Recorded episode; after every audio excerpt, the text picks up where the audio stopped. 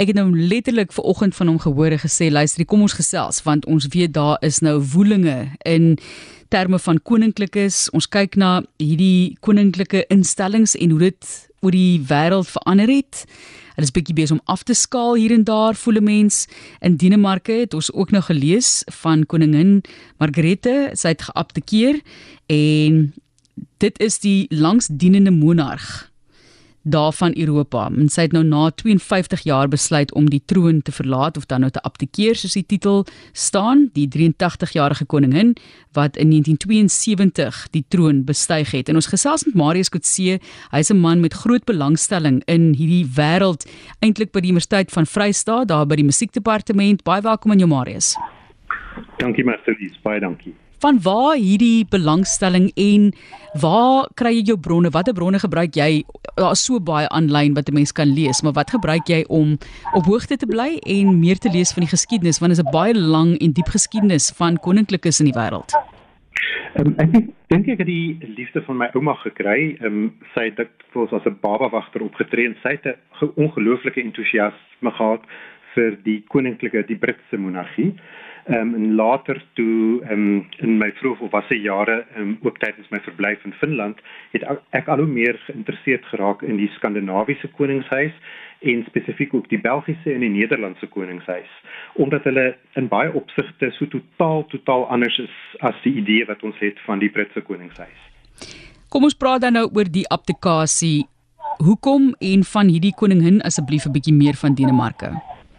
Ja, dit dit is 'n groot verrassing. Um, ek dink oor die afgelope 10 jaar het uh, koning Margarethe dikwels in onderhoude gesê dat ehm um, die rol van koningin vir haar is vir haar hele lewe en ook baie duidelik genoem dat dit anders is as die tradisies ehm um, van byvoorbeeld die Belgiese en die Nederlandse koning koninkryke wat al drie die koninginne geapplikeer het op 'n spesifieke tyd.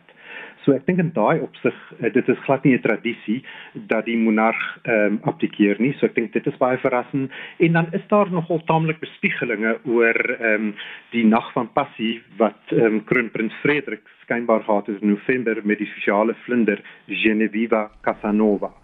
Ehm um, so maar ook laas jaar was daar groot kontroversie ehm um, oor dat ehm um, koningin Margarethe die Deense koningshuis afgeskaal het in die sin van haar tweede seun koning uh, prins Joachim en sy vrou prinses Marie Chevalier. Ehm um, hulle vier kinders is afgeskaal tot die titel van hulle oupa prins Hendrik van Denemarke wat bekend was as die uh, graaf de Montpezat. Sjoe, Ja, daar's 'n paar name daar wat jy nou gegooi het, wel gedaan Marius, ek is beïndruk. Maar gee net vir ons 'n idee gou vinnig wat jy dink van koninklike tans. Ons gaan nou weer terugkom by die abdikasie en hoekom dit so ongeken is en hoekom jy dink dit dalk nou plaasvind, maar mense kry die idee dat daar word 'n bietjie afgeskaal. Ek dink die wêreld waar daar so baie probleme is, is nog altyd baie probleme, maar 'n mens dink aan oorlog, jy dink aan aan mense wat baie swaar kry en hongerte en hiersoos jy met hierdie 50000 diamante wat jy uitstal en en die oordadigheid daarvan eintlik die oordaad wat gepleeg word waar teen 'n mens agterkom mense teendruk en terugdruk. Wat dink jy is die rede? Selfs in Engeland byvoorbeeld word daar baie meer afgeskaal Ja, ek dink die konings, die Britse koning sê dit al uh, geruime tyd uh, staan onder geweldige kritiek oor die totale ornate baldadigheid waarin hulle leef en ek dink dis waar die Europese koninklikes miskien dit heelwat anders hanteer. Ehm um, ek dink hulle is baie meer uh, soos uh, soos Margarete sê, um, hulle is baie nader aan die volk. Ehm um, en dit is hoogs intelligente mense wat nie die hele op hulle lauwere sit en rus nie. So daar's 'n hele reeks van nuwe kroonprinsesse wat almal hoogs intelligent is, ehm um, verskeie tale praat, soos byvoorbeeld koningin Maxima wat kom uh, uit die uh, Argentynse burgery. Dis 'n vrou wat 'n pleitbesorger is vir finansiële kennis vir vrouens by die Verenigde Nasies en reg uitspring op verskeie vlakke. So ek dink ehm um, dit is ook met koningin Margrethe um, wat 'n geweldige populariteit het van ongeveer 90% ondersteuning van die staat. Ehm um, die vrou is net in 'n totale ander kader. So behalwe die feit dat sy koningin is, is sy ook een van die amptelike kostuumontwerpers van die koninklike ehm um, Deense ballet.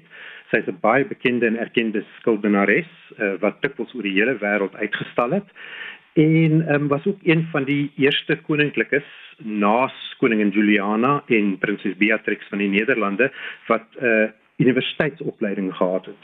Ehm um, ja, so ek dink sy's net ek wil ek kan my nie indink dat van die ander konings sy spesifiek verwys na die Britse al hierdie besondere talente openbaar nie en reg ehm um, op elke moontlike vlak betrokke is.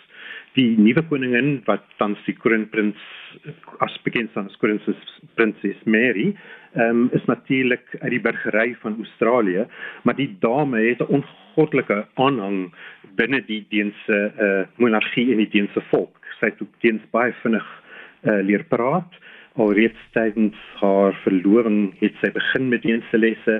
Sy praat vlot diens vanaf die eerste jaar nadat sy ingetrou het in die uh, dienste koningshuis. En sy het ook geweldig baie betrokkeheid op verskillende vlakke, ook by die VN.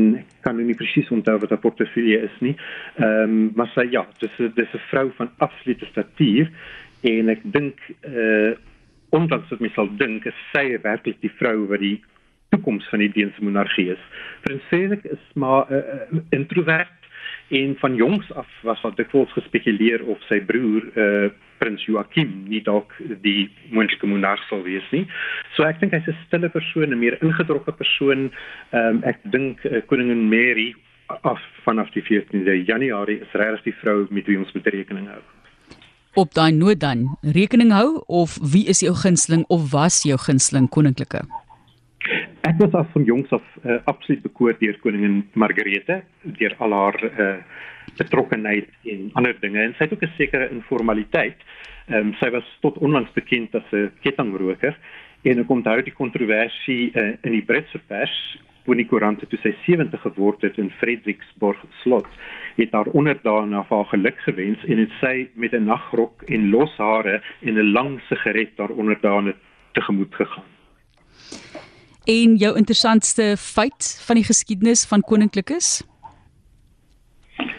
Um, ek dink hulle is natuurlik uh, geweldig ehm um, uh na verbind aan mekaar. As jy begin analiseer, sal jy sien daar is geweldig bande verbintenisse tussen mekaar, maar ek het regtig vertroue in die nuwe generasie. Ek dink hier aan kroonprinses Victoria van Swede, ehm um, koningin eh uh, uh, Maxima van Nederland, koningin Mathilde van België.